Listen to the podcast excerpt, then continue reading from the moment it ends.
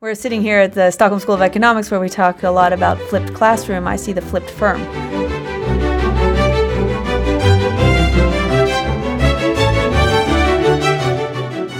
A warm welcome to this podcast on fintech.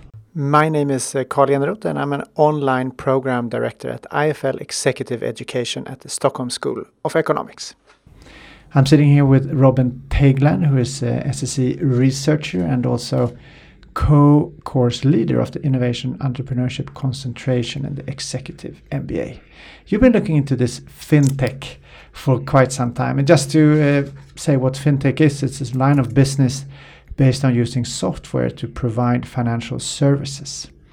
So, what is the historical background and why do you find it interesting? I just uh, want to correct you on a little something there. It's not just software, it's also about all different types of technologies. Uh, so it's not just the software, but it could also be the hardware.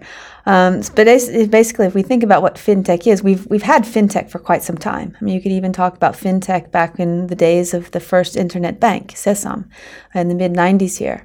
Uh, but basically, what it is is this: how can you innovate in financial services with the help of new information technologies, uh, and also even mobile phones, for example, smartphones, etc.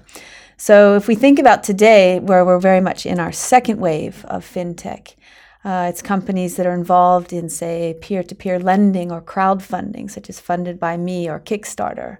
Uh, you also have uh, new forms of payment, so in mobile payments, etc. So if you think about Klarna or iZettle, these are also some companies uh, that are examples of fintech companies. So what distinguished the first and the second wave? I think the first wave was very much almost more kind of back office, uh, where you think about it was trading technologies. It was uh, it wasn't so much front end. I think now we're seeing much more in terms of user interfaces that are uh, developing. So the first wave is very much Nasdaq OMX, uh, where you saw more the systemic in a way, and this is And the- more mhm. human centered. Yes. So, what do you find is interesting? How come you're looking Well- into this well, as a I- yes. Well, the, I can maybe just explain a little bit how I got into this. Um, I didn't mention anything about uh, cryptocurrencies, uh, for didn't. example, or blockchain technology, which also is a big part of the fintech uh, phenomenon now. Um, and so the way I got into this is I, my research really much focuses on informal networks and knowledge sharing and creation through informal networks. Uh, one such form of uh, network is open source, an open source community. Bitcoin, uh, cryptocurrency, was developed by an emergent open source community uh, where there was no top down hierarchical organization that said, let's create Bitcoin. It was very much a bottom up, emergent, uh, I say, happening or event. And I think this, this then led me into fintech, where you're seeing that small or newer companies, people are testing ideas, very much testing assumptions about the way we've always done things in the financial services sector. They're, you know, raising their heads and saying, wait a minute, why do we do it this way? We have new forms of technologies, we have new information technology, we have our smartphones. We must be able to do things much more efficiently, better, et cetera, for the end user. So what I find fascinating is this where you see entrepreneurs, uh, startups, and even established players coming up with new ways, innovating, uh, creating value for the customer, for the end user in a different way, uh, in a more efficient, more effective way.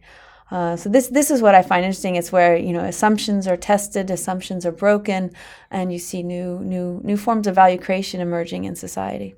So, the open source is a way is inherent in the second wave of this fintech development. Yes, actually, in terms of if you think much, not necessarily open source, but the open kind of being the open openness. I say for previously mind, or- open mind, well, open innovation, open platforms. Uh, I would say very much the first wave, and much of our traditional organizations are very kind of closed hierarchical, where you think of you have to do everything within the walls of the firm, and you have to do it yourself. You're a problem solver. Uh, whereas moving into the second wave, you see much more of thinking about yourself as being a solution finder. Uh, the solution is out there. You create more of a platform which enables you to find the solution. Uh, so I think this is mo- where I see a kind of a shift in terms of how many of these firms are organizing. Uh, the resources are out there. It's not about controlling and ownership. It's about access to and leveraging resources. So, tell me more about this problem solver and the solution finder because that seems to be a Mm-hmm. shift also in the head of the, the users or the ones developing it.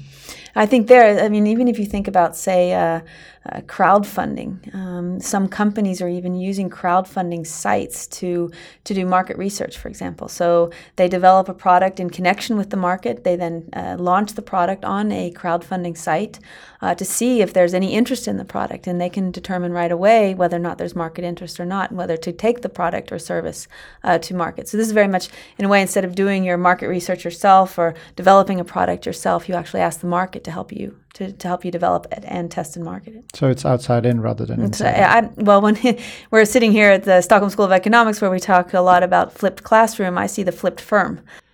The flipped. The phone. flipped firm, hmm where uh, I see this in a lot of different industries where firms are becoming more and more these multi-sided platforms, uh, bringing together individuals who have who share a common interest, a passion, who form community, who then are able to design, create, build, leverage uh, together uh, through the through the platform.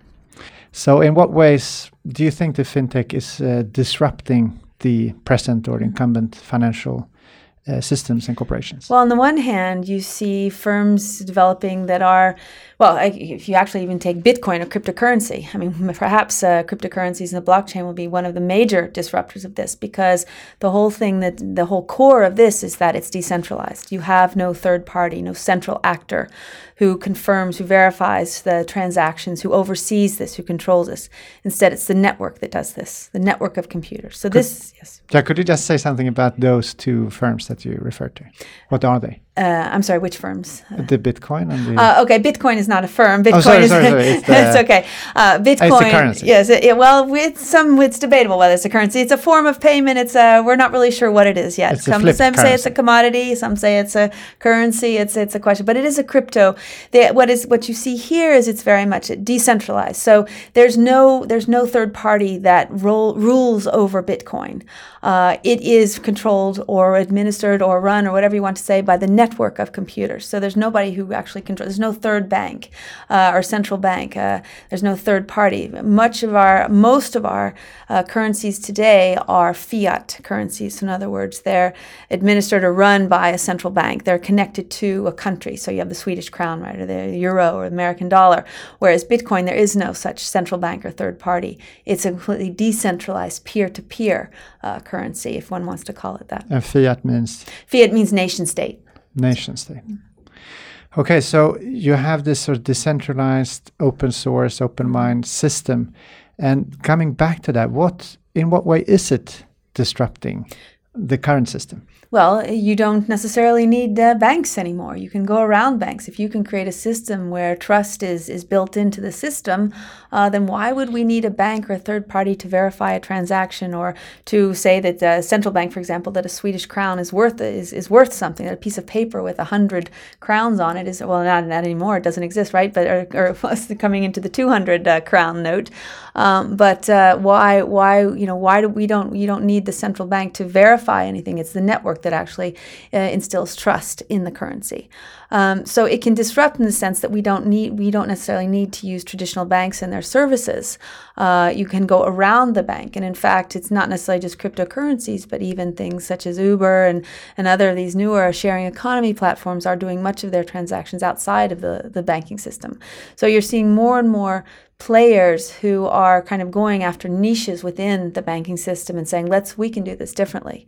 So you have disruptors on many different let's say uh, areas or offerings uh, that are kind of biting into the pie the overall pie of a bank which has traditionally offered many services.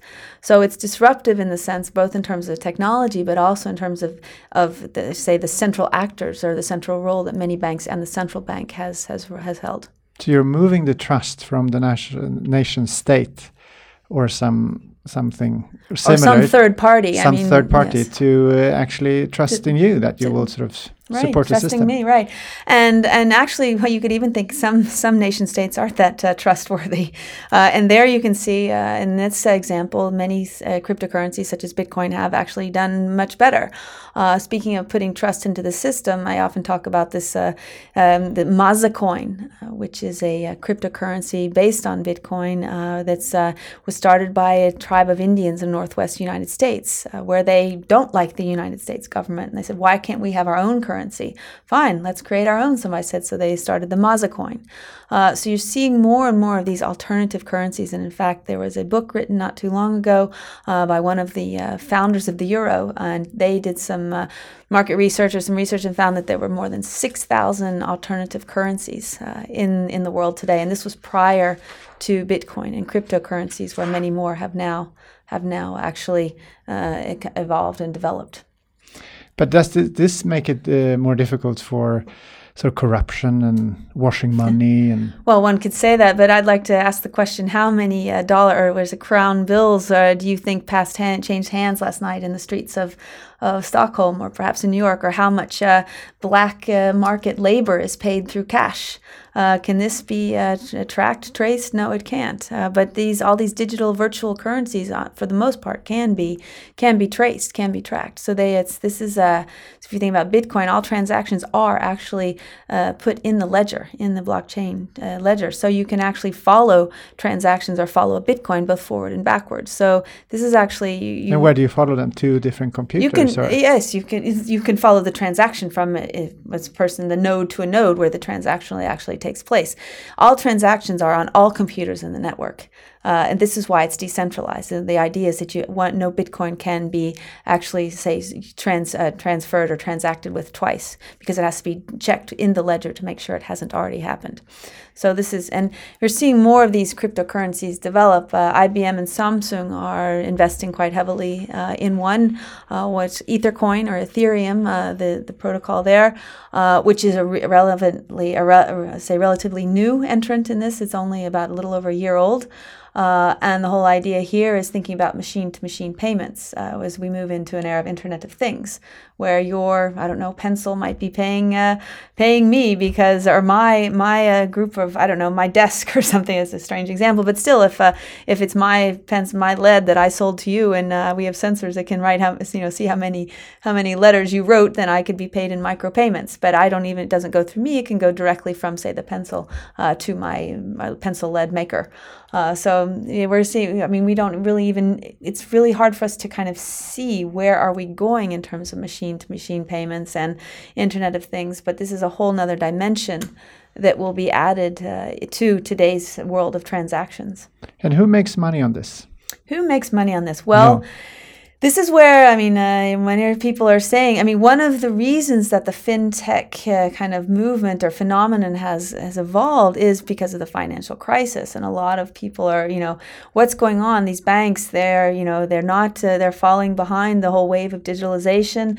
Uh, why are they making so much money? Their profits uh, uh, so we can do things more efficiently and effectively. So, and this is actually, there was a report just recently done by McKinsey. It was just launched yesterday where they were talking about the, I mean, these new fintech entrants are going to radically or yeah, quite, yeah, very significantly reduce the profits in many of the services out there because they're doing it in a more efficient manner and they're creating more competition uh, around these services.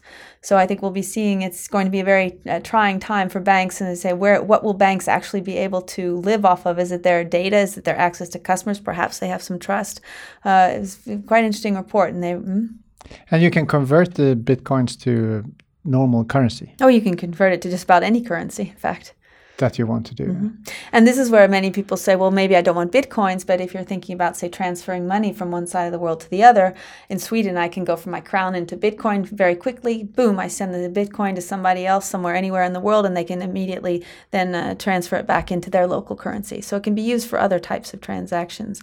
Uh, also, in terms of um, uh, we're talking about in the age of contracts and so on that you don't need necessarily a third party to actually verify a contract, but uh, but such as in the real estate or especially in trading, uh, you can actually use the blockchain technology to to facilitate transactions.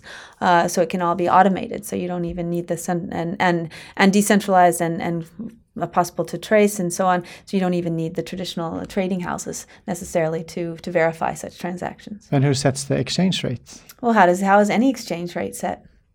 Well, I don't know. It's uh, a little supply and demand, right? I mean, demand. So, yeah. mm-hmm. So that would be the the same. Uh, mm. but uh, one it, time will tell. I mean, we don't know if it will Bitcoin or another cryptocurrency, or why not uh, some company that starts its own cryptocurrency. Uh, we it's there's or or, or a platform. Uh, Reddit, for example, started their own uh, Reddit cryptocurrency for their readers, where they they had an they had an I believe they raised some funds, and from some of those funds, they actually gave back to the community in a Reddit uh, cryptocurrency. So who's to say? I mean, if we're thinking about what is money, I mean, we we assume we need money, but barely what is money is nothing more than trust that you that I will be able to exchange something for products or services in the future. But if uh, perhaps uh, that's not necessary, if you know we're a part of a community, we ha- might have some type of credit system that we use, and we can, or maybe not even that, that we have ability to trade things back and forth amongst ourselves using blockchain uh, technology. Then what happens to many questions there. Uh, anything from taxes uh, to, you know, I don't know, regulation or to exactly maybe you talked about the laundering. Maybe there is some type of illegal things that come in. I mean, wherever this is always a constant struggle between good and evil as any new technology is developed. Um, but I think there's many, many areas to investigate. And you see, a lot of uh, companies, Accenture, for example, I, I don't know if this is true, uh, but I've heard through several people that they have uh, put in lots and lots of people uh, to actually investigate or work on the, the blockchain. You see many actors actually uh, working a lot uh, towards developing an, an, understanding of the blockchain. recently, there were nine banks, investment banks, that went together to, court I mean, large banks went all together to actually look at. Um, to look at uh, the blockchain. Goldman Sachs, J.P. Morgan, Credit Suisse, who they've combined. They've colla- they're collaborating to actually look into the blockchain technology uh, and and even work with it with a startup in this area. So there's a lot of uh, issues here. Could the, I mean, there is a decoupling between the financial world and the real economy, not mm-hmm. the financial world, but the financial economy and the real economy mm. because there's a lot of money in this place which is not linked to the real economy what is mm. happening there is this a way to get immune from speculative bubbles that bursts that's a difficult question i think i i don't really know a, mm, a, scientific answer to that but i could say that i think we'll always have bubbles uh, because in a way there is kind of an I don't want to say an inbred, but there is something where there is a form of greed, I think, out there in society where people see things like, oh, I want to be part of that. Uh, maybe I can make a quick buck on it. Um, we saw that with Bitcoin. That was one of the reasons why the exchange rate went, you know, astronomically high. Where it was thirteen hundred dollars a Bitcoin a while back, um, where people, the, the whole bubble. I mean, I, I, think wherever there's a possibility for that, that their bubbles will can potentially happen. I mean, there's it again. It's the supply and demand, and the question is whether or not there's any value underlying that. But uh, that's a it's a good question. I, it's hard to hard to it's hard to yes. Mm. So, what are the challenges that the fintech sector sees apart from the large banks wanting mm. to retake that initiative? Are there other initiatives that are not software based or in other ways uh, challenging this? Mm. I think um, the cha- so one of the things that I often think about is Bitcoin kind of came out of nowhere. Uh, in the sense that in a very span of very few years, all of a sudden an idea had grown to something that many state or central banks were discussing, governments were discussing, and it was a completely bottom-up initiative. You kind of wonder, as far as we know, um, but it seems to be a very you know distributed peer-to-peer network, open source community that the developed Linux, this. The Linux, uh, yeah, it, I mean, right, and and it just comes from nowhere, and it it develops to this point, and you wonder, well, what else is going on beneath the surface that we don't know about right now? Uh, other things can be developing. So I think there are probably a lot of uh, other challengers coming, but we haven't seen them yet. Um, and and other than that, I think other challengers are clearly any any any company, any organization could actually challenge uh, the banks or the fintech sector because uh, you don't necessarily have to have money or a license. I mean, if you can figure out a, a payment system or a credit system then you are you are you can contend in this in this area in this arena. So it's basically it's yeah anybody could do this. So challenges could come from anywhere. I think it's this is the kind of the exciting thing about being a researcher in this area is we don't know where kind of the new disruptors will be coming from. It'll be so. I think it's important to always have your kind of antenna out and be talking in a lot of people in a lot of different industries, uh, a lot of different technologies to be learning what's what's what's kind of on the horizon or what's under the surface that we don't know about. Can you see similar effects, similar ideas developing in the same way as mm. the fintech sector? with the open source, no oh, yes. control I, that is disrupting the whole thing. What kind of other examples do you see? Um, I think, well, one of the examples I like to talk about in terms of the flipped firm is uh, Local Motors. Uh, in the United States, uh, which is not General Motors, but local, local motors. motors. And what does local mean? It means local. It means producing locally. It means micro factories uh, in the United States. So it's you see this kind of I see a lot of trends for localization. We've been in an era of globalization. I think we're moving much more towards localization now. Um, the sharing economy facilitates this a lot, um, where you have especially the bottom emergent, bottom up emergent sharing economy. Uh, uh, I say uh, possibilities that are been enabled through social media, through easy payment systems. Um, and, and, the, and, that is that evolves because people want an identity and want I to think there's yes people connect to what they're buying and that's part of their identity. Connect yes uh, to their identity, not just necessarily to their buying, but who they are, uh, their values, uh, their beliefs, their their activities, what they like to do, um, and I think it might be.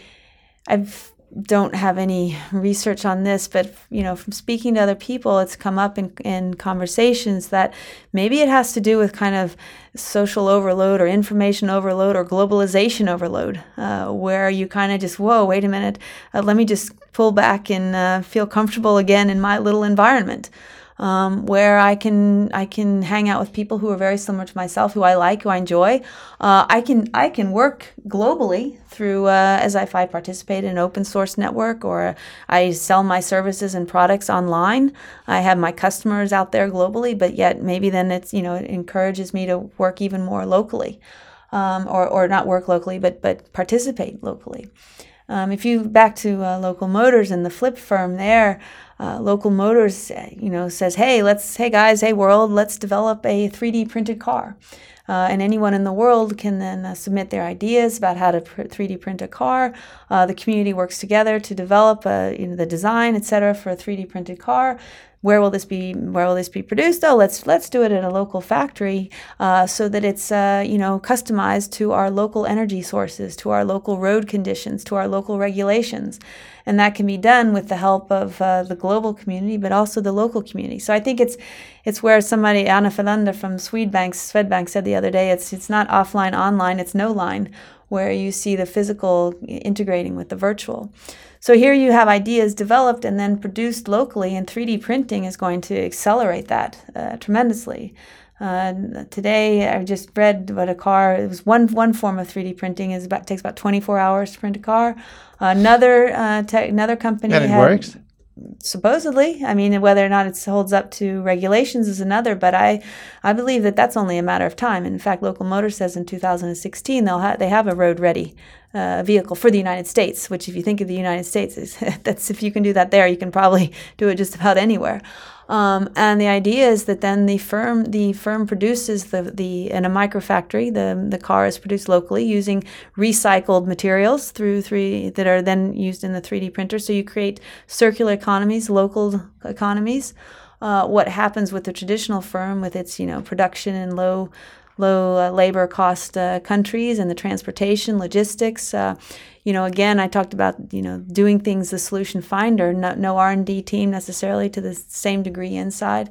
Um, and who's to say a community can't do this? Uh, you don't, maybe you don't even need the platform anymore.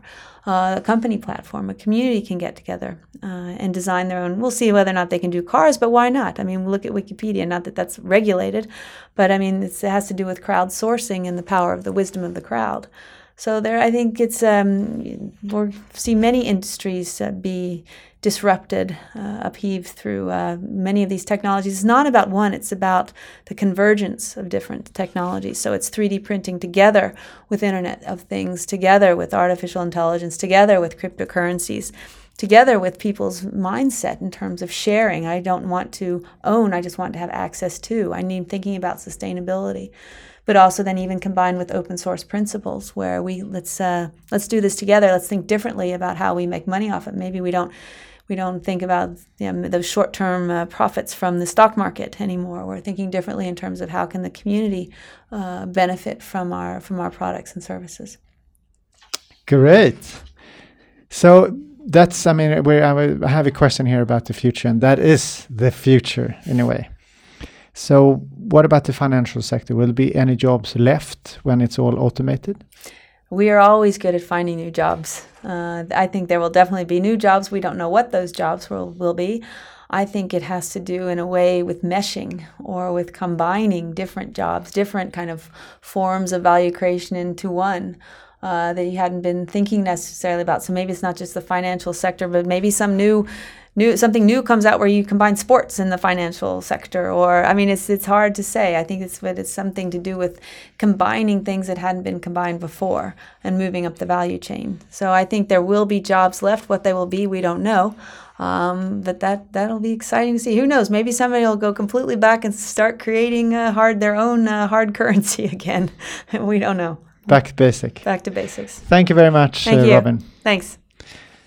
So uh, thank you very much for listening to this podcast with Robin Teigland, who is a researcher at uh, the Stockholm School of Economics, and we've been talking about fintech, the challenges, uh, the future, and also this idea of open source and uh, open mind that seem to guide the development of this disruptive technology.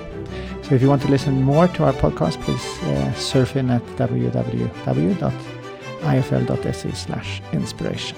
Thanks for listening.